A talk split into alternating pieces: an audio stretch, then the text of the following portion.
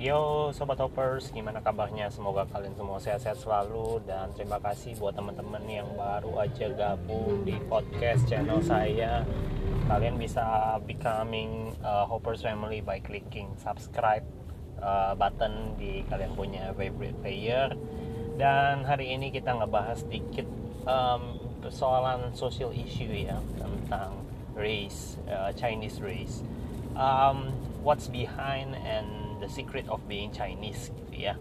Mungkin uh, banyak teman-teman juga yang uh, juga punya uh, kerisauan yang sama ya tentang background maupun uh, apa sih uh, yang baiknya gitu ya tentang Chinese itu apa Chinese people gitu ya. Jadi Chinese people sebenarnya saat sekarang ini di di, di Indonesia sekarang uh, we are called Tionghoa gitu ya sekarang gitu ya um, sejak pemerintahan era pemerintahan uh, Presiden Gus Dur uh, mereka mulai mengganti istilah China itu dengan uh, suku Tionghoa gitu. Jadi Tionghoa itu atau keturunan kami itu di di, di considered ya as ya one of the tribes ya kayak suku biasa Sunda dan lain sebagainya. Dan uh, menariknya adalah um, saya mau kasih tahu teman-teman bahwa perjuangan kita itu dari awal itu nggak nggak gampang uh, khususnya di Indonesia. Jadi saya merasa banget uh, ini kalau latar belakang daripada kerisauan saya adalah kadang saya melihat bahwa kita itu sebagai warga negara yang notabene kalau dicap mereka adalah dalam tanda petik keturunan gitu ya bukan uh, mereka menganggap kami bukan pribumi dan lain sebagainya mereka memperlakukan kami dengan uh, berbagai macam eh, hal-hal uh, gitu ya. Mulai dari awal ya pencetusnya saya pikir kemarin itu mereka uh, selalu mengkaitkan uh, Chinese itu dengan China people itu dengan komunis gitu ya. Ya saya nggak tahu sih mungkin ada dendam kusum apa dan lain sebagainya. Tetapi torehan itu begitu tajamnya membuat sikap beberapa daripada orang-orang pada kebanyakan umumnya gitu. Mereka membuat sebuah stigma bahwa kita ini Cina ya bukan Indonesia gitu. Nah saya mau um, ya sharing ya. Sekedar sharing aja. Uh, dan I do hope by the end of this uh, podcast aku bisa men-sharingkan apa yang menjadi pendapatku secara umum, secara general gitu ya. Yang pertama, um, kami uh, yang pertama sekali kami tidak bisa memilih sebenarnya di keluarga mana, di ras apa kami mau dilahirkan. Itu penting untuk setiap kita ketahui. Ya, kami tahu uh, kami dilahirkan dari uh, mana gitu ya dan kami paham betul gitu ya bahwa kami minority uh, di antara uh, sekian banyak penduduk ya di Indonesia khususnya gitu ya. Dan um, tapi satu hal yang yang yang boleh uh, saya katakan adalah kami tidak bisa memilih di keluarga mana kami lahir.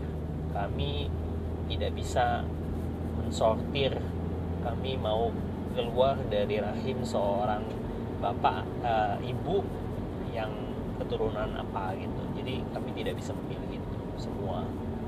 Itu satu. Yang kedua ketika kami lahir darah kami kecintaan kami terhadap negara dan bangsa ini tidak pernah berubah. Kami tidak pernah beranggapan even kita ini adalah suku atau keturunan orang Tionghoa kami tidak mengatakan bahwa kami tidak cinta negeri ini negeri Indonesia gitu. Kami tetap mengasihi Indonesia kami tetap berdoa untuk Indonesia kami tetap mengupayakan kesejahteraan atas bangsa ini gitu. Itu yang menjadi sebuah hal yang saya pikir dan saya percaya semua daripada eh, orang-orang uh, golongan dengan ras seperti saya pun uh, berpikir hal yang sama semua orang yang lahir di Indonesia patut mencintai dan mengasihi bangsa ini. Ya jadi itu kami tidak bisa memilih. Yang kedua even kami uh, kami dicap seperti orang China gitu ya. Tapi kami tetap mengasihi bangsa ini. Um, yang paling terakhir ketiga kami juga uh, merindukan bahwa uh, kami itu diperlakukan secara equal gitu secara sama kami adalah warga negara yang membedakan hanya race-nya aja racial racial issue aja. Tetapi uh, saya berpikir sama ya uh, semua warga negara mempunyai hak yang sama uh, hak untuk memilih hak untuk dilayani ya mungkin seperti itu ya. Maksudnya uh, mendapatkan akses kesehatan. Kami cuma berharap hak yang sama tidak minta lebih gitu. Nah um, oke okay, so uh, saya juga membahas sedikit the secret of uh, of being Chinese gitu ya. Banyak orang mencap bahwa orang China itu stigmanya yang pertama adalah satu yang tadi saya bilang salah satunya adalah komunis. Ya. Um, ya China pada saat sekarang ini mungkin di negara aslinya mereka komunis. Tapi Chinese people atau orang Tionghoa di Indonesia itu mereka bukan komunis mereka itu Pancasila Pancasilais gitu ya. Jadi um, kami mengetahui bahwa kami lahir dan besar di Indonesia kami setia dan kami mengabdikan hidup kami untuk bangsa ini dan kami mengemban uh, apa yang menjadi amanat daripada pemimpin bangsa ini yaitu menjadikan Pancasila sebagai dasar untuk negara ini gitu membangun bangsa dan negeri ini uh, jadi saya melihat bahwa uh, banyak orang Tionghoa juga yang uh, memeluk agama Islam ya banyak sekali. Ya mungkin nggak terekspos aja. Ya salah satu yang mungkin uh, terkenal sekali mungkin Anton Medan kemudian Bapak Anton Medan ya kemudian Bapak Felix Xiao. Ya banyak sih sebenarnya. Cuman mungkin nggak terekspos aja gitu. Kemudian bicara tentang um, bukan hanya agama Islam gitu orang uh, China uh, Chinese itu juga banyak yang menganut uh, agama uh, Buddha, Konghucu, kemudian uh, Kristen, Katolik, ya mereka ragam. Jadi uh, bukan komunis malah mereka. Um, lain daripada itu kita uh, juga sering kali mendengar bahwa uh, di awal-awal uh, pemerintahan itu dari zaman Soekarno, era Soekarno ke era Soeharto, mereka sangat sangat uh, begitu kentalnya menaburkan sebuah doktrin gitu ya. Mungkin orang China itu adalah orang yang uh, pengkhianat bangsa orang yang mau mengkudeta dan lain sebagainya. Sehingga banyak daripada stigma-stigma negatif tumbuh dan berkembang di tengah masyarakat. Bahkan tidak jarang uh, saya melihat dan mendengar sendiri pada waktu saya awal-awal bahwa uh, saya juga cukup heran seperti ini ya.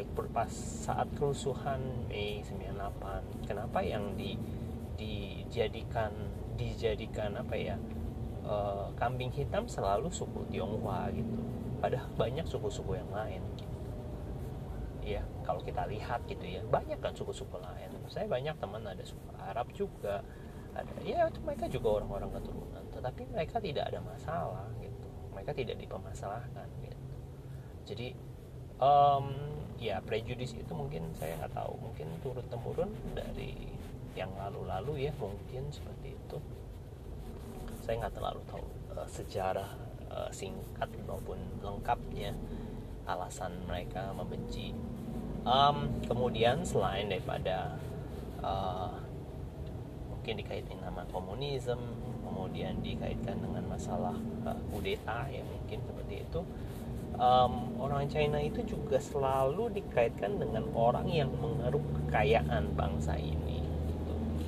ya orang China itu selalu identik dengan orang kaya padahal for your information banyak juga orang orang-orang keturunan Tionghoa yang miskin yang juga berjuang yang juga uh, fight for their life gitu ya. Kalau teman-teman pernah ke daerah Tangerang perbatasan sering kita jumpai yang namanya Cina Benteng gitu ya. Kehidupan mereka di daerah-daerah tersebut bukan uh, kehidupan yang uh, berlimpah tapi kehidupan mereka kehidupan yang keras. Bahkan saya pernah melihat bahwa mereka cuci baju mereka uh, di pinggir di pinggir dekat kali gitu ya di mana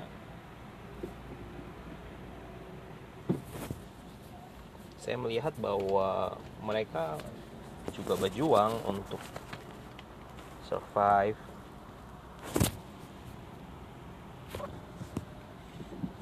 Um, jadi saya berpikir bahwa tidak semuanya mereka itu dikaitkan dengan kaya. Tetapi stigma yang ada dan berkembang saya pikir mereka selalu dikaitkan dengan orang-orang kaya. Dan saya tidak bisa menyalahkan itu. Kalau kita melihat beberapa contoh mungkin konglomeratnya yang mungkin omli dan lain sebagainya mereka banyak orang keturunan. Ya orang keturunan Tionghoa. Tapi penjelasan daripada kami sendiri kalau melihat dari hal-hal yang terjadi di masa lampau di era-era zaman-zaman Soeharto maupun era zaman uh, Soekarno presiden. Um, kami melihat bahwa bangsa Indonesia khususnya suku Tionghoa itu memang uh, lebih berfokus kepada hal-hal yang bersifat yang namanya ekonomi. Ya memang uh, the secret of being Chinese itu mereka memang dilatih diajarkan uh, bagaimana mereka untuk berdagang gitu. Itu itu filosofi yang yang yang kental sekali ketika saya ikut bapak saya. Bapak saya juga diajarkan berdagang dan uh, kakek saya pun diajarkan berdagang dari zaman mungkin uh, my grand ya grand grand grand grandfather gitu ya. Jadi mungkin kakek buyut gitu ya. Jadi mereka mengajarkan hal seperti itu dan uh, the secret of being Chinese mereka mengajarkan kita untuk saving gitu. Hidup sederhana makan kemudian sisanya ditabung. Bahkan bukan hanya sederhana ya mungkin relatif agak sedikit mengencangkan ikat pinggang gitu. Kami terbiasa dengan hal-hal yang uh, literally seperti itu gitu. Makanya um, ketika kami pergi mungkin orang lebih cenderung melihat uh, selapis tipis ya antara uh, hemat dan pelit gitu ya. Tapi memang seperti itu. Kebanyakan orang Chinese itu punya otak ya dilatihnya seperti itu. Seperti dagang lah ya supaya nggak rugi gitu ya dan sebagainya. Jadi di mana mana orang Chinese itu memang selalu perhitungan banget. Ya not all the Chinese people like that gitu ya. Tapi uh, most of the people that I know ya kurang lebih vice versa sama lah ya. Bolak balik sama. Kira-kira seperti itu. Um, ya itu sih. Um, uh, dari dari secara kehidupan seperti itu uh, being born as a Chinese in this kind of country gitu in Indonesia memang banyak sekali tantangannya. Stigma negatif kemudian kaitan dengan komunisme kaitan dengan memperkaya diri kaitan dengan orang Chinese itu uh, crazy rich Chinese people gitu ya. Jadi um, saya tidak bisa menyalahkan ya saya berharap dan saya berdoa supaya generasi ini uh, wake up gitu loh bahwa kita semua sama-sama mau berjuang sama-sama mau membangun bangsa dan negara ini. Dan kita punya secret ya itu gitu ya kalau menurut orang Chinese people itu yang membedakan banget adalah yang pertama kami diajarkan untuk uh, dagang gitu. Kami tidak terlalu fokus tentang masalah um, politik uh, jurnalisme. Ya mungkin ada tapi sedikit mungkin. Ya coba teman-teman lihat deh ya mungkin uh, berapa banyak sih yang terjun ke hukum terjun ke kepolisian gitu ya. Jadi orang Chinese itu memang benar-benar uh, memang takut banget ya namanya masalah-masalah seperti itu. Hukum berkaitan sama hukum berkaitan sama uh, aparat ya. Itu itu momok banget gitu. Ya I don't know gitu. being a politicians gitu ya. Ya mungkin kayak contohnya bapak uh, BTP itu kan one of a kind gitu ya. Jarang banget politisi-politisi orang-orang Tionghoa itu banget. Ya jadi itu sih. Jadi secretnya kalau ditanya kenapa orang-orang most of the Chinese people uh, successfully rich dan lain sebagainya ya mungkin sebagian kecil yang saya bisa rangkum adalah uh, kami biasa dididik untuk hidup uh, sederhana dan pas-pasan gitu. Bahkan cenderung kalau boleh katakan susah gitu. jadi kami tidak diizinkan untuk menikmati kemewahan pada saat masa-masa kecil bahkan cenderung susah. Dan dalam keadaan sulit itu justru e, banyak kan dari orang tua daripada kami itu justru mengajarkan sesuatu gitu loh. Jangan boros justru putar otak dan lain sebagainya. Dan tidak jarang mereka itu di di di, di raise dengan sebuah tanggung jawab ya. Wow udah e, anaknya banyak gitu ya. Misalnya hidupnya susah cici atau kokonya itu biasanya disuruh ngebantu ngebantu mama papanya bantu dagang bantu jagain adik bantu harus bisnis dan lain sebagainya. Putar otak. Jadi kami itu terbiasa susah yang harus kami memutar otak. Bahkan saya melihat kehidupan istri saya dulu dia anak sulung ya dari empat bersaudara. Uh, papanya itu menurut saya dan mamanya itu sebenarnya bukan keluarga yang gitu keluarga yang sederhana sekali gitu. Mungkin topnya maksimumnya punya anak dua itu sudah maksimum banget untuk mereka bisa hidup dengan layak. Tetapi ini anaknya empat berarti kan ada over limit. Ya saya nggak tahu mungkin karena papa mertua saya mungkin karena mengejar untuk anak cowok gitu ya mungkin. Karena anak yang satu dua tiga cewek yang keempat baru cowok dan selesai gitu. Um, yang saya lihat dari kacamata saya bahwa ketika dalam kondisi sulit istri saya itu terpaksa dan dipaksa mungkin harus mencari uang untuk ya bisa sekolah bisa kuliah. Demikian pula adiknya yang nomor dua harus kerja harus kuliah harus putar otak. Pada saat itu dia ngelesin anak-anak. Jadi banyak sekali hal-hal yang saya lihat mereka itu terbiasa susah terbiasa sulit gitu. Di dalam kondisi sulit mereka diputar otak diperas otaknya dan lain sebagainya.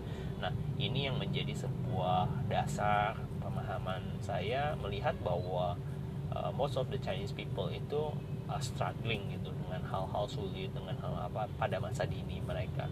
Dan juga mereka hidup di, di, di, di diminta pas-pasan irit dan lain sebagainya. Yang ketiga mungkin uh, sense of survivalnya itu uh, kita tuh bener-bener uh, dilatih gitu ya. Uh, jadi uh, latihan untuk hidup gitu. Jadi sehingga uh, secara mentality mentality kita untuk kita down gitu ya untuk give up itu uh, mungkin uh, lebih terasah kali ya gitu ya. Untuk give up is not really an option for us gitu loh. Jadi uh, jatuh coba lagi jatuh coba lagi. Selalu selalu stigmanya seperti itu yang saya rasakan gitu. Jadi uh, kalau dibilang ada resep khusus nggak enggak gitu ya menurut saya the secret of being a successful Chinese gitu ya mostly ya seperti itu gitu. Kerja keras uh, jujur jangan takut capek yang bilang gitu. Dan kalau jatuh bangkit lagi. Kalau jatuh bangun lagi uh, bahkan yang trailingnya itu adalah seperti uh, perkiraan saya, waktu dalam kemacetan punya, 7 menit. saya punya uncle ya. Uncle saya itu punya filosofi yang agak sedikit ekstrim malah.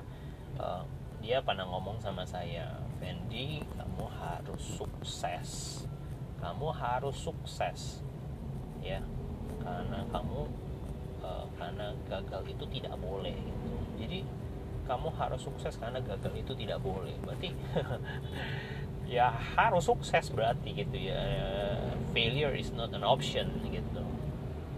Ya, walaupun saya sering melihat kehidupan paman saya juga bukan kehidupan yang langsung uh, bagus enggak gitu. Dia juga uh, mengalami struggling uh, bikin uh, pabrik ini pabrik itu sana sini bangkrut dan lain sebagainya sampai terakhir dia bisa sukses gitu jadi semua orang itu ada prosesnya. Semua orang itu mengalami yang namanya fase naik turunnya. Sama same thing gitu. Jadi cuman masalah mentalitinya aja sih untuk mencoba gitu.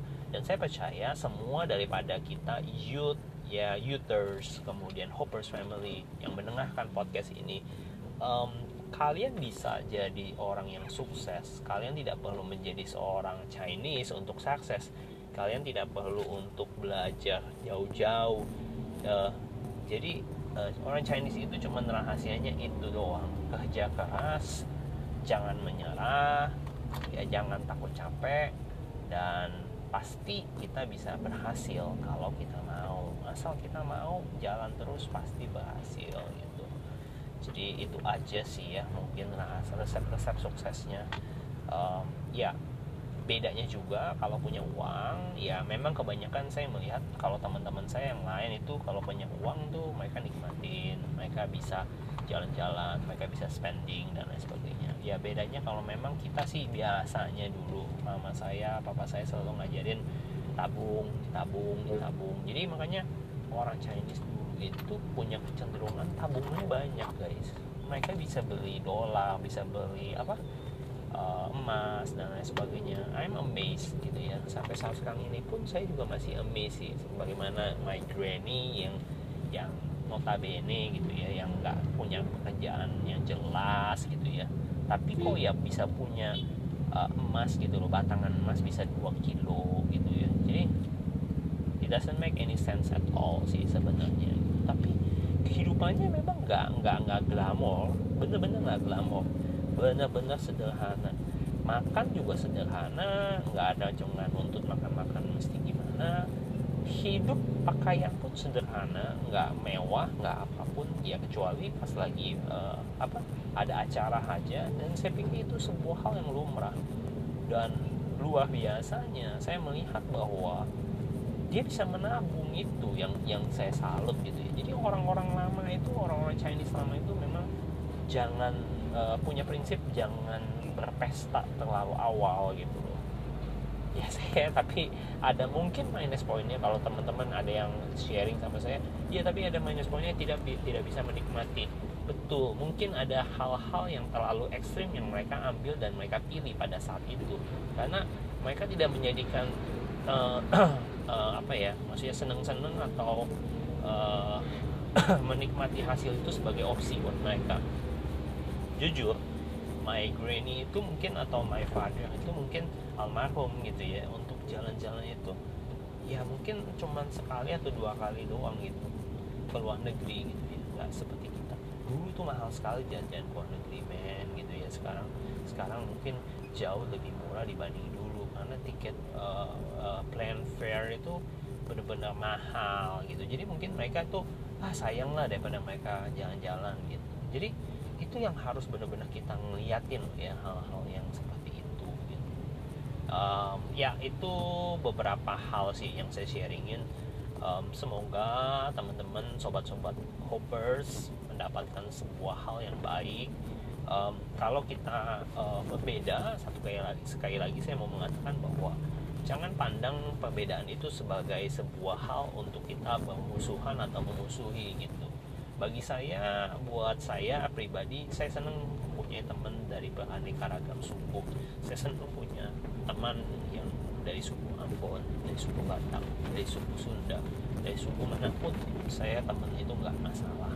Saya bahkan saya senang kalau saya sosial media saya senang malah dapat teman yang dari Kalimantan dari Dayak dari NTT dan sebagainya karena saya bisa banyak belajar dari mereka tentang kebudayaan mereka tentang hal-hal baru dari mereka dari teman baru saya gitu.